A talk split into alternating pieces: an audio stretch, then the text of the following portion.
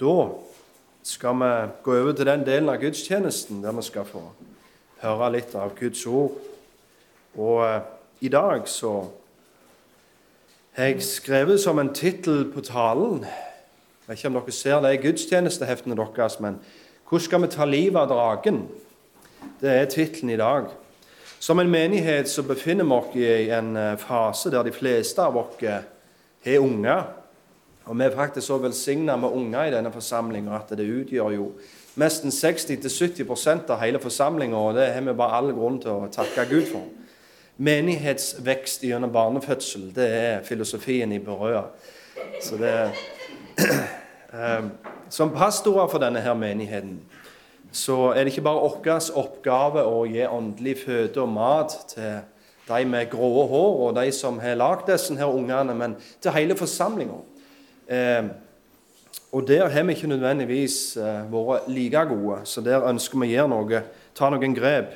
I brevet til Paulus, f.eks., når han eh, skriver til de ulike menighetene, så ber han de ofte å lese disse brevene opp framfor hele forsamlingen når menigheten da kommer sammen. Og Det vi veldig ofte ser da, det er at Paulus han har ofte ord og formaninger til ungene i forsamlinga.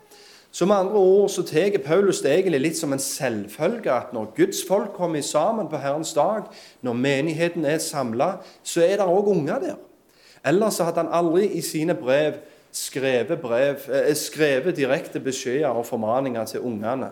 Så det er noe som jeg tar til mitt hjerte og tenker litt over at eh, her har vi lyst til å ta noen grep. Eh, og hvordan skal de grepene da se ut? Skal vi begynne med barnegudstjeneste her fra talerstolen på, på søndagene?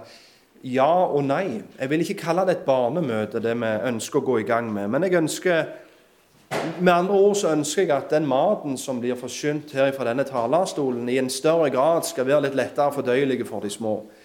Eh, betyr det at de voksne da eh, blir sultefòra? Jeg håper ikke det. Jeg tror ikke det. Jeg tror det vil være mat for oss alle uansett. Og jeg eh, gjør ikke dette her for at jeg ønsker å ta jobben ifra dere foreldre. Men jeg ønsker å gjøre det for at vi ønsker å hjelpe dere som foreldre.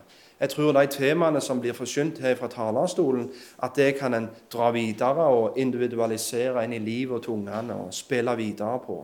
Så, så, dette her er for at vi ønsker til, som pastorer, være en enda bedre støtte for foreldrene og være med og tale inn i livet til ungene i forsamlinga. Eh, jeg har en plan om å fortelle en historie i dag. Eh, men før jeg forteller denne historien, så har jeg litt lyst til at vi skal tenke litt over dette å fortelle historier. Og litt om hvordan Gjør oss litt bevisste på hvordan er det vi egentlig formidler til ungene våre. Hva slags metoder og teknikker er det vi bruker, og hva er en god formidlingsmåte til, til de små og til hverandre? Jeg vil vi skal gjøre rett og slett litt mer bevisste på ulike måter å formidle på som finnes der ute. I konservative og kristne rekker som er veldig opptatt av teologi og rett lære. Og det er vel og bra. Det trenger vi. Mye av grunnen til at mange kristne organisasjoner og menigheter i dag har blitt liberale og har forlatt Bibelen sin autoritet, er nettopp for at den sunne lære på et eller annet tidspunkt ble erstatta med noe annet. Og for Derfor så gjør vi rett her i menigheten vår å ha et høyt fokus på skriftutleggende forkynnelse og teologi og finne ut og bli kjent med Gud gjennom, gjennom Hans eget ord. I andre litt mer karismatiske miljø så er i hvert fall min erfaring det at eh, det å studere teologi og det å snakke om teologi ikke nødvendigvis er like populært. Men der blir kanskje fokuset heller litt mer det å fortelle historier, eventyr, vitnesbyrd, personlige opplevelser. Og, og, dette vet jeg at mange i vårt miljø kanskje kan se litt ned på. Eh, for hvordan kan vår menneskelige historie måle seg med Guds ord, kan vi tenke. og hva er vel mitt vitnesbyrd til sammenlignet med det vitnesbyrdet Gud gir dere her? Og så er vi for ofte litt raske med å feie vekk de historiene og, Ofte så kan vi mest ha litt dårlig samvittighet når vi skal fortelle vårt eget vitnesbyrd. For nå hadde jeg egentlig hatt en arena til å si et eller annet vers eller fortelle et eller annet utover Guds ord, så står jeg her og forteller min historie. Jeg vil ikke det skal handle om meg. Altså, så spørsmålet er jo er det ei grøft. Er det ei sånn konservativ grøft som, som vi har havna i? Hiver vi babyen litt ut med badevannet når vi er der at vi prøver å luke vekk det å fortelle historier og vitnesbyrd? Eh, burde historier og eventyr og vitnesbyrd ha en plass hos oss? Og til det så vil jeg svare et stort ja. For Bibelen er ikke først og fremst ei systematisk teologibok, selv om hun er full av teologi. Bibelen er først og fremst ei samling av historier. Og som alle er en del av denne store historien som Gud holder på å fortelle. Gud kunne valgt å gi oss en systematisk teologibok der alle fortellingene og historiene var lukt vekk. Og Det eneste som var igjen, var læresetninger og doktrine. Men det er ikke det han har gjort.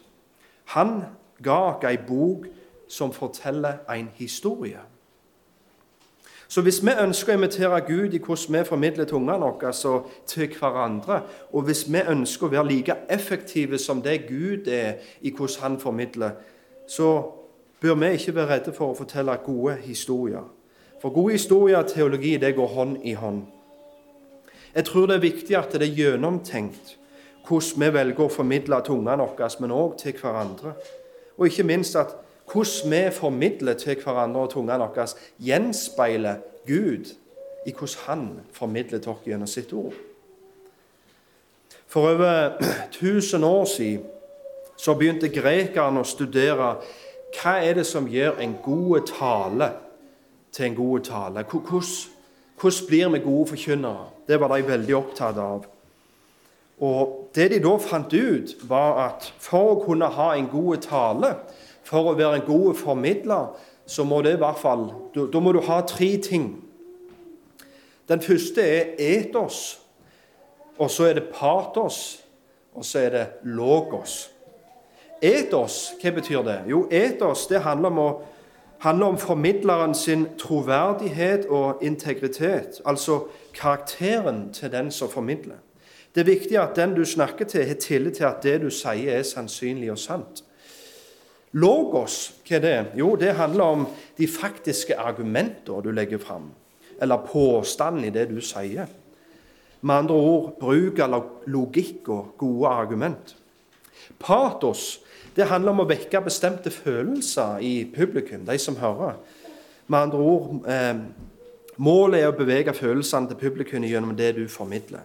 Ofte gjennom historier, eventyr eller personlige opplevelser og vitnesbyrd. Så for å oppsummere Den som skal overbevise, må både framstå med autoritet og troverdighet. Der har vi etos. Bevege lytteren, partos, og legge fram et overbevisende argument. Det, der har vi logos. Er disse retoriske virkemidlene bare noe sånn gresk tull, eller er det noe sant i disse her verktøyene?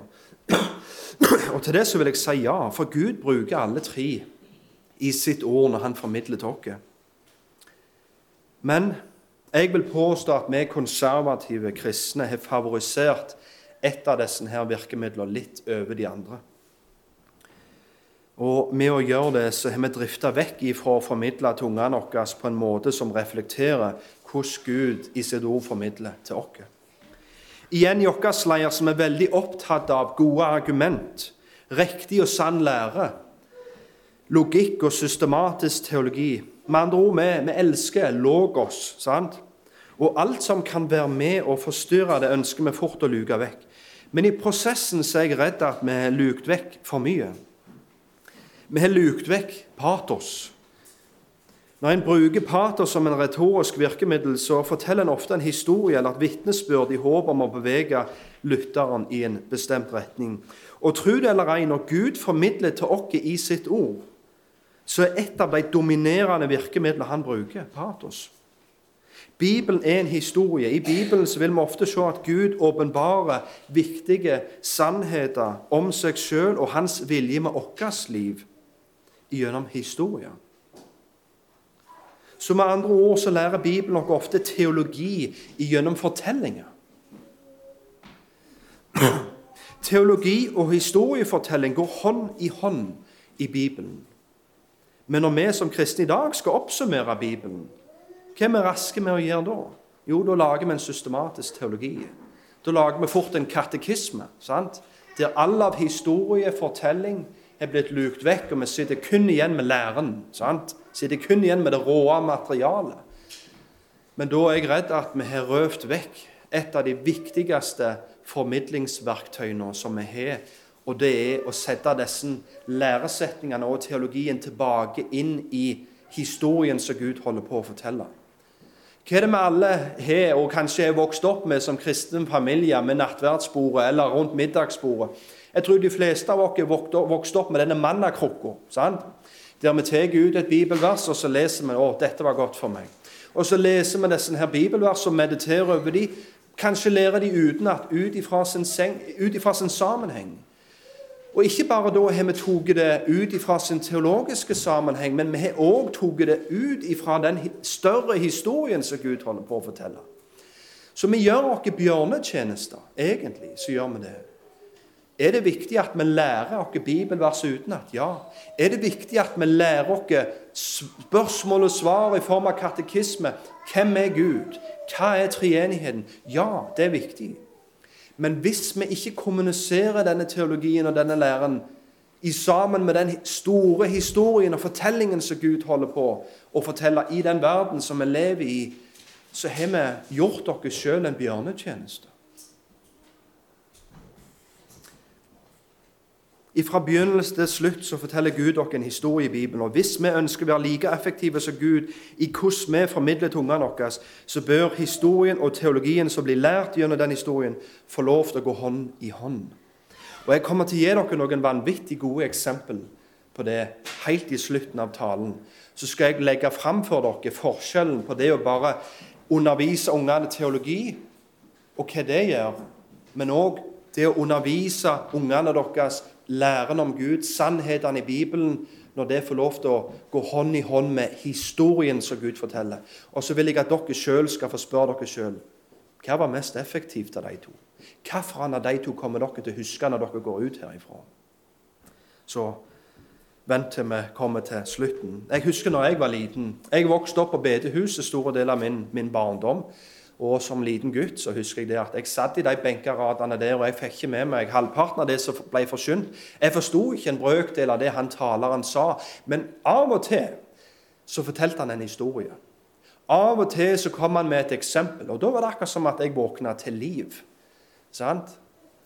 Og mange av de historiene jeg husker som ble fortalt fra den talerstolen, de husker jeg til den dag i dag. Flere tiår etterpå.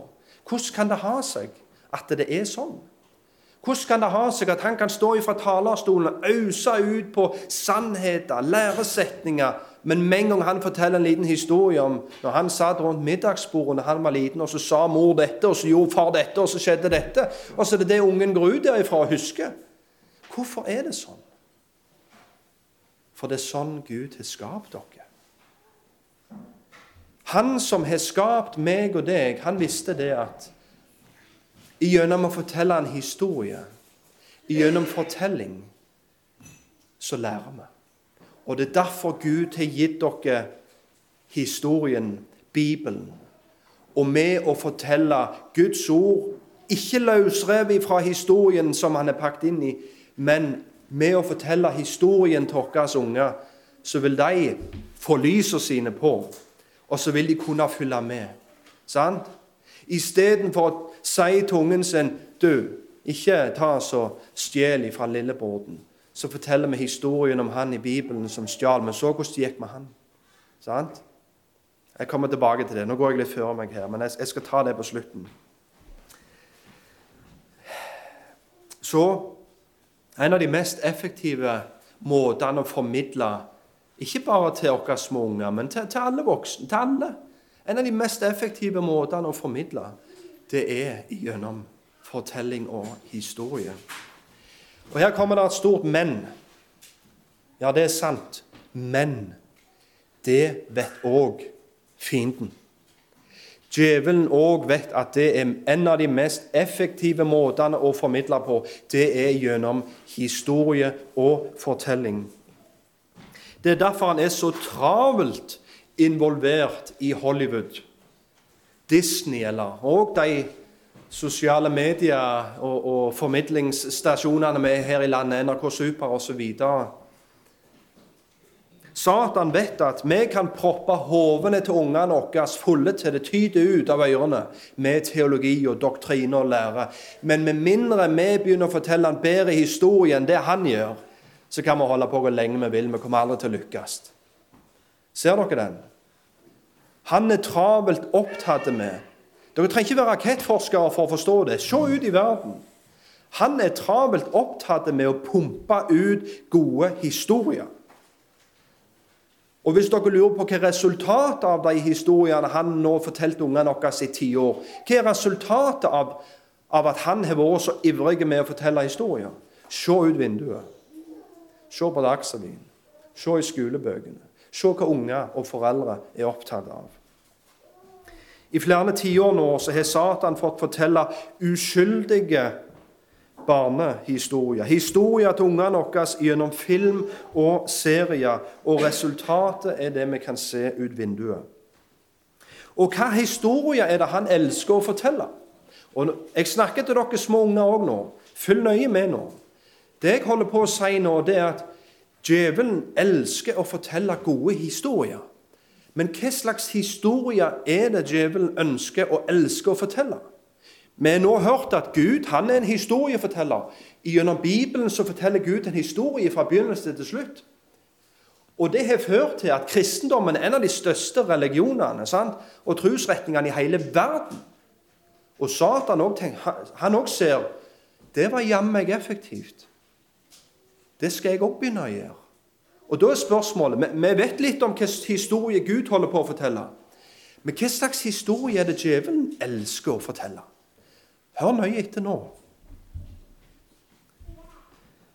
Disney-evangeliet, har dere hørt om det noen gang? Dere vet hva Disney er?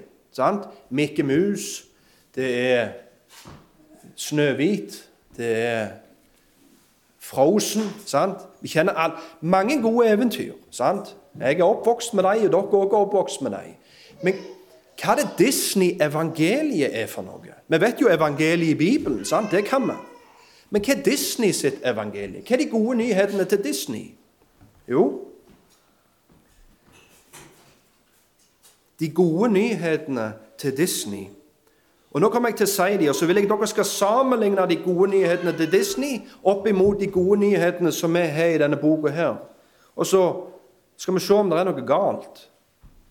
De gode nyhetene til Disney, og som de Disney i tiår har fortalt til oss og til ungene våre, det er sjølrealisering. Følg hjertet ditt. Følg følelsene dine. Følg drømmene dine. Sant? Med andre ord lev for deg sjøl. Lev for deg sjøl. Vær du den som bestemmer hva som er rett og galt. Sant? Ikke la noen andre fortelle deg hva du skal gjøre. Sant? Fyll drømmene dine. Gjør som du vil. Hva er det det høres ut som? Jeg syns det ligner vanvittig mye på det Adam og Eva ble lurt til i hagen. Gjør som dere sjøl vil. Ikke la noen få stå i veien for dere. Bare ta av eplet, så skal du få lov å bestemme. Du skal få bestemme hva som er rett og galt. Sånn? Hvis du bare gjør dette her, trosser Gud, så er det du som skal forbli den nye kongen. Sånn? Og dette her, hvis dere hører, det er et sånt tvista evangelie. Det er et evangelie snudd på hodet, egentlig. Hvem er det som er dragen i denne historien her? Sant?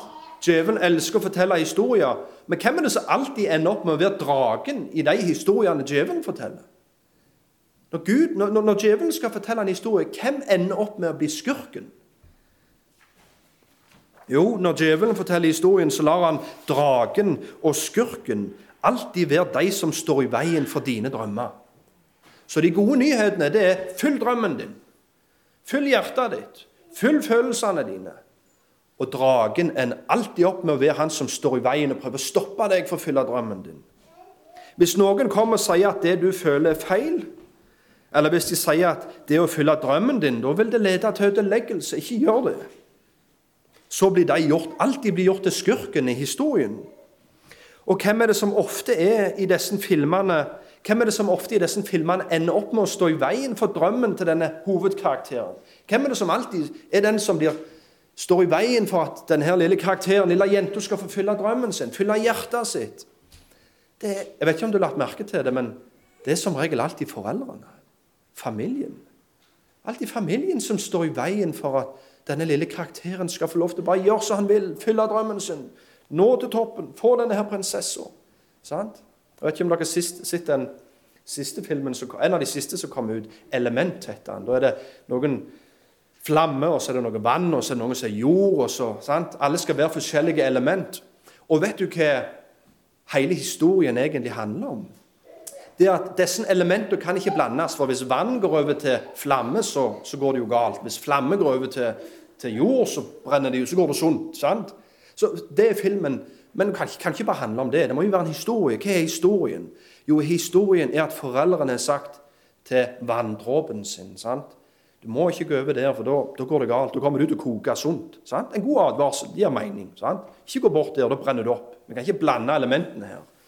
Men da, hennes drøm har jo alltid vært å gå på andre sida. Hennes drøm har jo alltid vært det å gå bort til de flammene der. sant?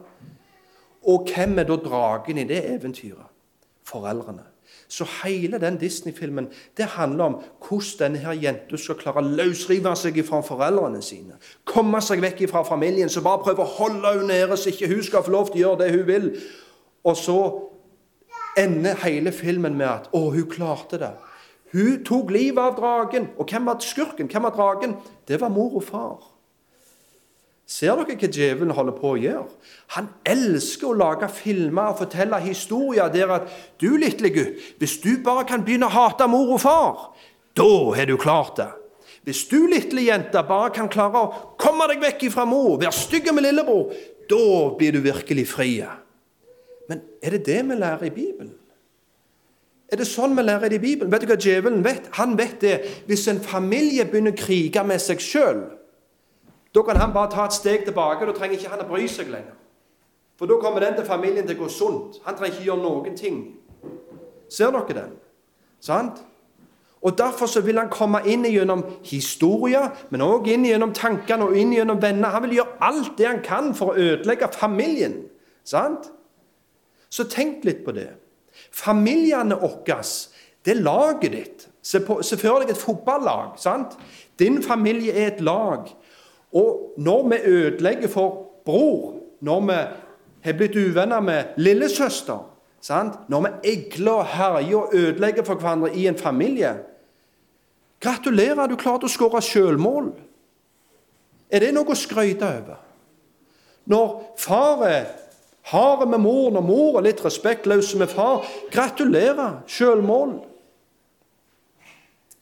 Vi er på det samme laget. Jeg vet ikke hvor mange ganger jeg må si det i vår familie. Vi trenger å minne oss på det hele veien. Vi er på lag. Fienden er ikke her inne. Det er ikke her vi vil ha fienden. Fienden er der ute. Han prøver å komme inn. Han prøver å rive oss i fillebiter.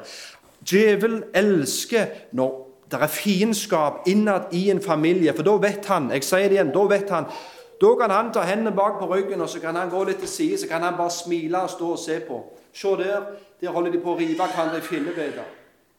Se han der, han, er, han respekterer ikke mor og far. Han bryr seg ikke bitten hva mor og far sier. Han går rundt og bare ødelegger alt det han legger fingeren på.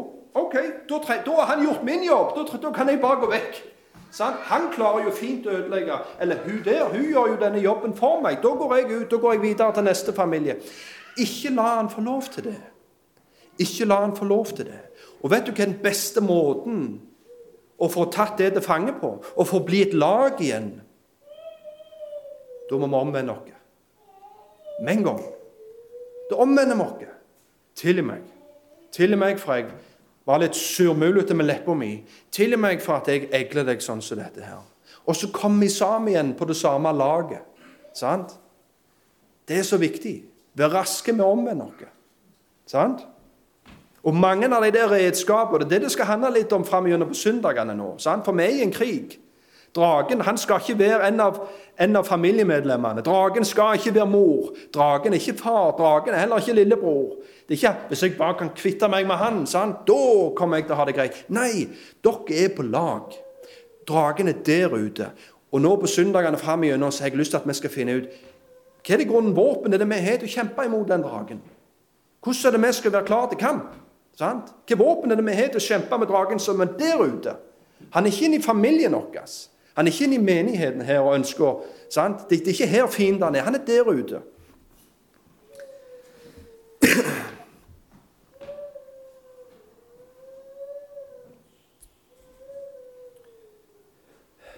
Når ungene dine har vokst opp med disse Disney-historiene Og si gutten din har blitt så stor nå at nå har han lyst til å finne seg ei jente og han ender opp det her er bare et eksempel, han ender opp med å finne seg ei jente som ikke er kristen. Og Hva sier Bibelen om det? Jo, Bibelen er veldig tydelig på at når vi skal gifte oss, så må det skje i Herren. Vi må ikke dra i felles åk med vantro. Sant? Gud vet best for oss. Sant? Så når vi skal gifte oss, om du er en liten jente eller om du er en liten gutt, sant? vokse opp og blitt stor nok til å gifte deg, så sier Gud det må skje i Herren. Men når vi er vokst opp med fortellinger som forteller 'følg hjertet ditt', 'følg drømmene dine', sant? Da tenker vi jo kanskje det at da er det ikke så farlig hva Gud sier, for jeg må jo fylle hjertet mitt.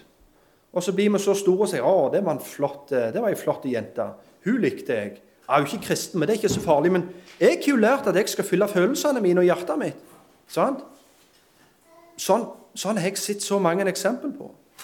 At unger som vokser opp, blir store, finner seg ei jente. Så er de kristne sjøl, og så finner de seg en som ikke er kristen. Og vet du hvem som blir dragen? Og skurken i den fortellinga, det blir ofte mor og far. Eller de kristne vennene som står på sida og sier du, hva er det Bibelen har sagt her? Sånn? Bibelen har sagt noe om hvordan vi skal finne oss en ektefelle. Og Det er bare ett av eksemplene. Så ofte så, så ser vi hvordan disse her uskyldige fortellingene Det der 'følg hjertet ditt, følg drømmen din'. sant? Det er ikke det vi får beskjed om i Bibelen. I Bibelen, Hvem er det vi skal følge da? Er det noen som vet svaret til det? Sier Jesus, 'Følg hjertet ditt, så skal du komme til himmelen'? Nei, han sier, 'Følg meg'. Følg meg, sier han. Hvis dere leser evangeliet når han kommer opp til Matteus i tollbua, hva er det han sier? 'Matteus, følg drømmene dine.' Har det? Nei. Han sier, 'Matteus, følg meg'. Hva sier han til Sakkeus når han er oppe i treet? Sier han, 'Sakkeus, følg drømmen din.' Så går han. Nei, han sier, 'Sakkeus, følg meg', sier han. Sant? Og det er det vi er kalt til. Vi er kalt til å fylle drømmene våre. Nei, det var feil. sant? Jeg bare tester dere litt nå. Vi er kalt til å fylle Jesus. Der har vi det. Sant? Eh, Ofte så blir historiene sånn at for å vinne prinsessa, som han seire over dragen, som er foreldrene. Satan elsker historier der foreldre er fienden til hovedkarakteren. For han vet at et hus som står i strid med seg sjøl, er dømt til å falle. Menigheter og land består av og bygd opp av familier. Og hvis familien går i oppløsning, så vil menigheten og resten av samfunnet komme like etterpå. Hele denne LHBT bevegelsen, eller denne her alfabetmafiaen, som jeg pleier å kalle den, Pride-bevegelsen er bygd opp på dette falske evangeliet. Der lys og sannhet er fienden, og der løgn og mørke er blitt gjort til helten. Den bevegelsen der er i grunnen et prakteksempel på hvor Disney-evangeliet leder hen. Ser dere den? Det begynte med bare noen små uskyldige barnefilmer. Og så ser vi i grunnen at det er en hel bevegelse som får lov til å styre den kulturen vi befinner oss i. Og alt begynner bare med noen sånn søte kommentarer som 'Fyll drømmen din', Fyll hjertet ditt'.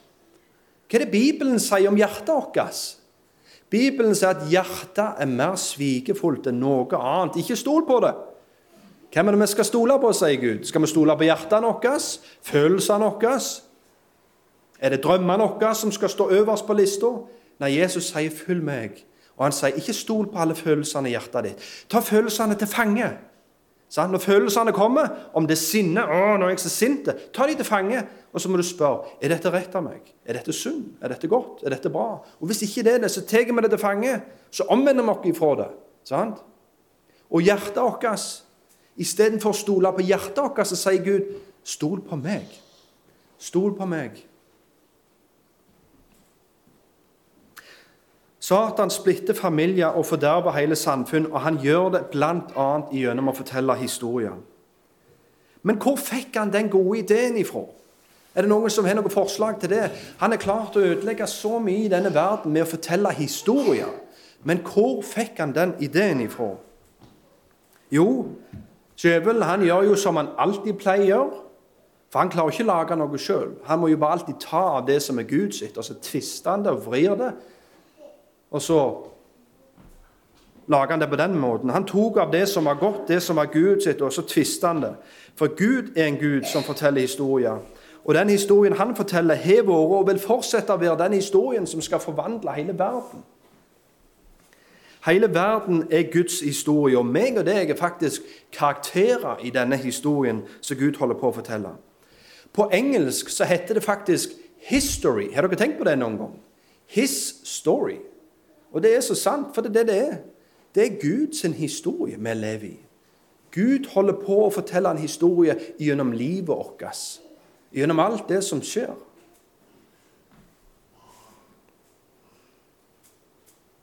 Gud holder på å fortelle en historie om Guds egen sønn, sant? som vi nettopp har feirt nå i jula. Da har vi feirt historien om Jesus' sin egen sønn. Og det er gjennom den historien der Gud har planlagt å forvandle hele verden. Og det er den historien vi må, både må fortelle til store og til små. Og det er den historien jeg har lyst til å fortelle dere i dag. Nå har dere vært tålmodige. Nå har dere hørt godt etter, men nå kommer det helt til slutt nå, så vil jeg fortelle dere en liten historie. Dere vet alle det, at dette her er en feit bok. Hvis du leser ca. tre eller fire kapittel i denne boka hver dag, Vet du hvor lang tid det tar deg å bli ferdig med den da? Over et år, nesten. Sant? Så vet du hva jeg skal gjøre for dere nå? Nå skal jeg fortelle hele denne her historien til dere på fem minutter. Oi. Sant? Følg nøye med nå. Se om dere klarer å få med dere denne historien. For av og til sant, så kan det komme en bort til dere som aldri har hørt om denne boka før, aldri hørt om Jesus, og har vi ett år da til å se dere ned og forklare han, hva denne boka handler om? Nei, vi har som regel ikke så god tid med han, men vi har fem minutter. sant? Så hvis dere kan lære dere å fortelle denne her historien her på fem minutter, så kan faktisk dere fortelle hva denne Bibelen handler om, til noen som aldri har hørt om det før. Men da må dere høre godt etter nå. Vi hørte at djevelen han ønsker at dragen skal være mor i huset. Dragen det skal være far eller lillebror. Han ønsker at fienden skal være inni familien din, sånn at familien din blir revet i fillebiter, og så kan han gå videre og ødelegge neste familie. Men det jeg vil fortelle dere om i dag, det er hvor den sanne og virkelige dragen egentlig er. Og Hvor var det han kom ifra? Og hvordan tar vi livet av denne dragen? Bibelen forteller oss en historie om en drage som stjal bruden ifra kongenes konge. Og hvordan denne kongen klarte å vinne bruden sin tilbake igjen. Og hvordan kongen nå har gitt makt til sin brud til å fortsette å drive ut og knuse denne dragen overalt der det fortsatt er spor av han. Denne dragen er djevelen. Men før han ble denne fæle dragen, og før han stjal bruden fra kongenes konge, så var han faktisk en engel i himmelen. Visste dere det? Men hvordan ble han denne forferdelige dragen? Jo, i Bibelen så kan vi lese at djevelen begynte som en av Guds engler i himmelen. Men så skjedde det at han en dag ble veldig misunnelig på Gud. Han så hvor herlig og hvor mektig Gud var. Han så hvordan alle englene og serafene de sto framfor Guds trone, og de priste han dagen lang. Gud så denne synden, Og han så opprøret Satan hadde i hjertet sitt. Og Derfor så ble djevelen forvist, og han ble kasta ut ifra himmelen og ned her på jord. Men han ble ikke kasta ned her alene. Men han ble faktisk kasta ned med en tredjedel av alle englene. Og hvor mye er en tredjedel? Hvis du har et rundt, stort pizzastykke og deler det i tre, en tredjedel er det ene pizzastykket. Så en tredjedel av alle englene i himmelen ble kasta ned på jord i lag med djevelen, i lag med den store dragen. Hvorfor da? Jo, for den bitterheten og misunnelsen og opprøret som djevelen hadde i sitt hjerte, det hadde han klart å spre rundt til fullt andre folk i himmelen. Så de ble med han på det opprøret og den misunnelsen som var i hans sitt hjerte. Sånn? Og Derfor så måtte Gud forvise mer enn djevelen fra himmelen, men djevelen og alle hans engler.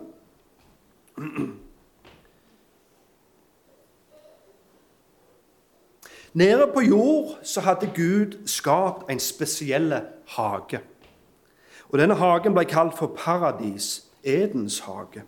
Og Den var full av dyr, alle tenkelige frukt og grønt og kostbare, dyre, edle steiner, gull og sølv. Bare tenke deg hvor flott denne hagen var. De to første menneskene som ble skapt i denne hagen, het Adam og Eva. Og de ble satt til å styre over dyra og arbeide med denne hagen. Adam og Eva ble skapt for å være Guds brud og for å ha fellesskap med Gud.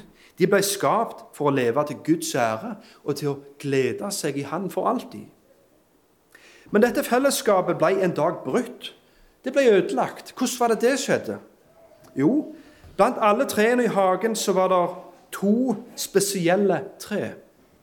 Det ene treet var li livets tre. Og det andre treet var det at ja, Og dette livets tre kunne de ete fritt av. Men det andre treet det var treet det kunnskap om godt og vondt, og det fikk de ikke ete av. Den dagen de åt av det treet, så sa Gud den dagen skal dere sannelig dø. Og det er her det går galt i historien. Her går det galt. For en dag så kom denne dragen inn i hagen Djevelen hadde blitt kasta ut ifra himmelen, ut ifra på grunn av at han hadde synda. Han var misunnelig og hadde lyst til å bli som Gud. Og nå hadde han gjort det sitt mål å myrde, stjele og ødelegge alt det som Gud var glad i, for å på den måten ta hevn over Gud. Og hva var da bedre enn å gå til angrep på det som ligna mest på Gud? Og det var Adam og Eva. For Adam og Eva de var skapt i Guds bilde. Men djevelen var lur. Han var ikke som andre drager som vi kan lese om i eventyr, som bare spruter flammer og brenner opp hele landsbyer. Han tenkte jeg skal ødelegge på en litt annen måte. Djevelen han var lur. Jeg skal lure dem, tenkte han. Djevelen visste at han ble kasta ut fra himmelen siden han ønsket å bli som Gud. Så hvis han kunne lure Adam og Eva til å gjøre den samme synden som han, så ville Gud ha nødt til å kaste dem òg ut fra paradis og forvise dem, akkurat sånn som djevelen hadde blitt forvist. Det var ganske smart, sant? Og det klarte han. Han klarte det. Han lurte Adam og Eva til å spise av frukten av kunnskapens tre, og han lurte dem med å si hvis dere spiser dette treet, så vil dere bli akkurat som Gud.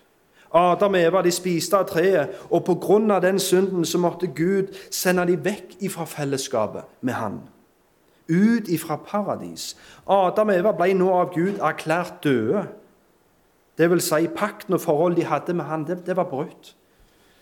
Og som en konsekvens av den synden, og siden Adam og Eva brøt pakten med Gud, så la Gud en forbannelse over jord. Verden ble nå fullt av torner og tistler. Mennesket ville nå oppleve smerte, sorg, krig, hungersnød, pest. Dragen hadde klart det. Han klarte ikke bare å røve Adam og Eva vekk fra Gud, men òg alle sønner og døtre av Adam og Eva. Og det er meg og deg. Det er faktisk alle mennesker på jord. De ville nå tilhøre djevelen. Istedenfor å være Guds brud, så ble nå mennesket dragen sine slaver. For gjennom Adam så spredte synden og døden seg til alle mennesker. og djevelen hersker gjennom synden og døden. Gud, han er hellig og ren. Og derfor så kan han ikke ha fellesskap med mennesker som har gjort seg ureine med synd. Og siden alle mennesker var syndere, så kunne derfor ingen komme til Gud. Med mindre denne synden kunne bli vaska vekk. Og det hadde Gud en plan for. Gud ga et løfte til Adam og Eva at en dag skulle det komme en mann, og han skulle knuse hodet på denne dragen. Og hvem tror dere denne mannen var? Det var Jesus. Helt riktig, Arne. Det var Jesus. For 2000 år siden så sendte Gud sin egen sønn. For så høyt har Gud elsket verden at han ga sin egen sønn. Sant? Og Denne sønnen ble født i en stall i Betlehem, Betlehem som vi feirer nå, i jula. Han kom med det målet om å frelse verden, og han kom for å befri bruden fra fangenskapet til dragen. Jesus kom for å seire over synden, døden og dragen, og det klarte han. Han gjorde det med å betale for vår synd med sitt eget liv. Han som ikke kjente til synd, gjorde Gud til et syndoffer for oss, sånn at vi kunne få Guds rettferdighet i Han. Jesus døde for vår synd, og han sto opp igjen fra de døde og beseira døden. Og med det så hadde han vunnet over dragen. Vi som før var slaver til synd og til Satan, kan nå bli satt fri og komme tilbake til fellesskapet med Gud. For med å tro på Jesus så lover Gud at alle våre synder skal bli vaska vekk. Og da er det ingenting lenger som står i veien for at vi kan komme tilbake igjen i hagen. Komme tilbake igjen til Gud. Gjennom Jesus så har vi adgang. Og dette er sant for alle oss som er tatt imot Jesus. Vi har blitt tilgitt deres synd. Vi trenger ikke lenger frykte døden, for vi har nå fått evig liv. Jesus kom for å sette bruden fri ifra dragen sitt fangenskap. Og ikke bare det, men herredømme over jord som Satan hadde stjålet. Han kom for å ta tilbake igjen. Han kom for å ta det tilbake. Han kom for å restaurere paradis som hadde gått tapt. Og når Jesus sto opp igjen fra de døde, så ble all makt i himmel og på jord gitt til han. Og nå befaler han alle oss som tror, at vi skal gå ut til verden og forkynne de gode nyhetene til de som ikke er hørt. Vi er kalt til å gjøre som evangelist i pilegrimsvandring. Jeg vet mange av dere har lest den. Vi er kalt til å gjøre sånn som evangelist som kommer og springer bort til kristen. Der er veien. Der er den himmelske stad. Hold deg på den smale sti. Med å kunne fortelle den historien som jeg nå fortalte til dere, så kan vi være som den evangelist i pilegrimsvandring, som viser folk hvor den himmelske stad er, som viser dem hvordan de kan rømme vekk fra fordervelsens stad. Vi må vise folk, folk, hvordan de kan bli kvitt byrden som de har på ryggen. Sant? Så han kristne er, han en svær byrde på ryggen sin. Når han får komme til Jesus, så forsvinner han. Om å vise dem eh, når jeg viser dem hvordan de når fram til den himmelske stadiet. På veien til himmelen så vil vi møte på mange fristelser og utfordringer som vil prøve å få oss vekk ifra den smale sti som leder til himmelen. For selv om djevelen og alle hans hjelpere ble fratatt herredømmet over jord, og de ble beseiret når Jesus døde og sto opp igjen, så går de fortsatt rundt som noen dårlige tapere som nekter å legge ned våpnene sine. Derfor så må vi ta opp rustningen og, som Gud har gitt dere, og fortsette kampen imot det onde, akkurat sånn som Jesus har lært dere. Så historien er ikke slutt ennå. Historien, Gud holder fortsatt på å fortelle denne historien. I Romerne kapittel 16 vers 20 så leser vi 16 vers 20. Og fredens Gud skal snart knuse Satan under deres føtter. Vår Herre Jesu Kristi nåde være med dere. Amen. Gud har lovt å knuse Satan under våre føtter. Og Han har gitt dere alle redskap og våpen for å utføre den jobben. Tittelen på talen i dag var 'Hvordan seirer vi over dragen?' Vi har fått høre hvordan Jesus seier over dragen. Men som dere forstår, så vil ikke denne dragen innrømme at han er tapt helt ennå. Og Derfor så vil Jesus at vi skal følge hans eksempel og fortsette å vinne over dragen. Overalt der det fortsatt er spor av han. Helt til den dagen Jesus sjøl kommer igjen for å ta han en gang for alle. I Bibelen så står det at vi som tror på Jesus, vi er i en krig. Og fienden vår er kjødet, Satan og verden. Og Vår oppgave er å ta opp rustningen som Gud har gitt dere, og kjempe imot disse tre som modige riddere. Og Det er det jeg har lyst til at vi skal ha litt fokus på framover i talene som kommer. Og lære oss å være modige riddere, og lære oss hvordan vi skal klare å seire over denne fienden som ønsker å komme inn og ødelegge livet vårt. Så andre ord, jeg vil vi skal trene oss til å bli modige krigere. Som seirer over ondskapen i verden, akkurat sånn som Jesus gjorde. Så jeg håper dere har lyst til å være med meg på det. Gud holder fortsatt på å fortelle en historie. Han er ikke ennå ferdig. Og alle vi som sitter her i dag, er karakterer i den historien. Men hvilken karakter er det du er? Hvem er du i den historien? Hvilken rolle er det du har i Guds historie? Det og mye mer er det jeg vil vi skal se på i de ukene som kommer. Men helt til slutt så vil jeg ha, si en liten ting til foreldrene i, i forsamlinga. Mitt ønske er at vi skal vokse i det å bli gode formidlere til ungene våre. Og som dere, når dere hører på meg, så, så ser dere at jeg har en vei igjen å gå. Jeg er ikke den beste, men, men vi, vi, er underveis her. Men jeg ønsker vi i sammen skal bli, vokse i det å være gode formidlere til neste generasjon.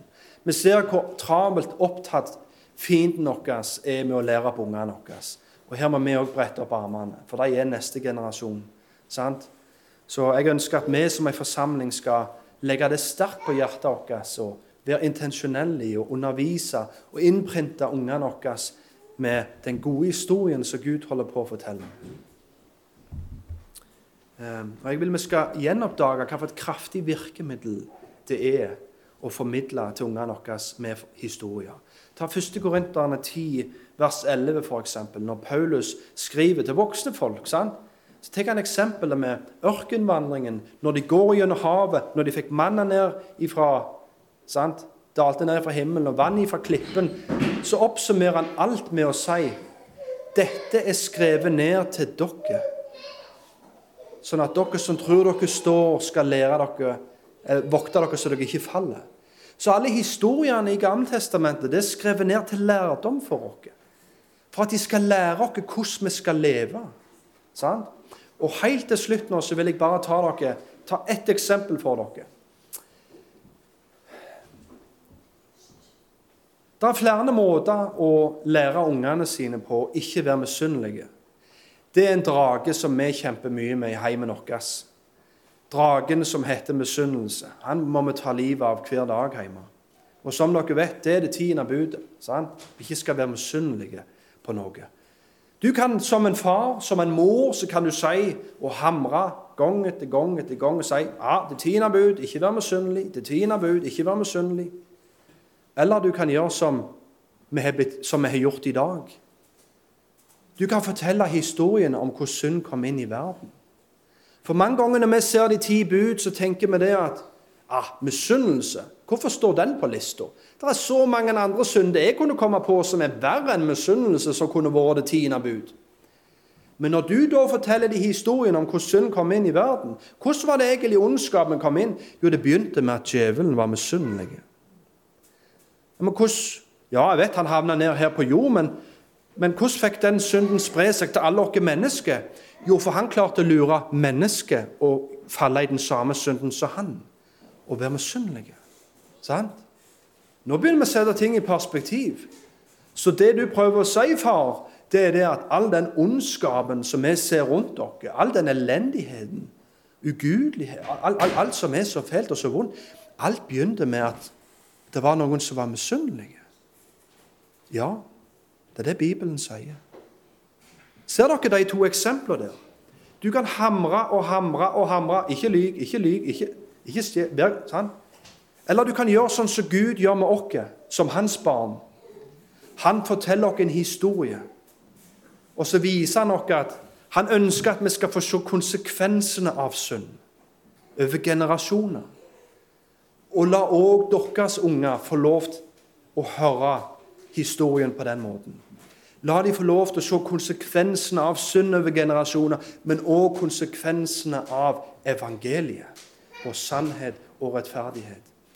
Så jeg håper nå framgjennom at vi kan få lov å skue nærmere inn i dette her og få se hvor effektivt redskap Gud har gitt dere gjennom å formidle, gjennom fortellinger og historier til ungene våre. Amen.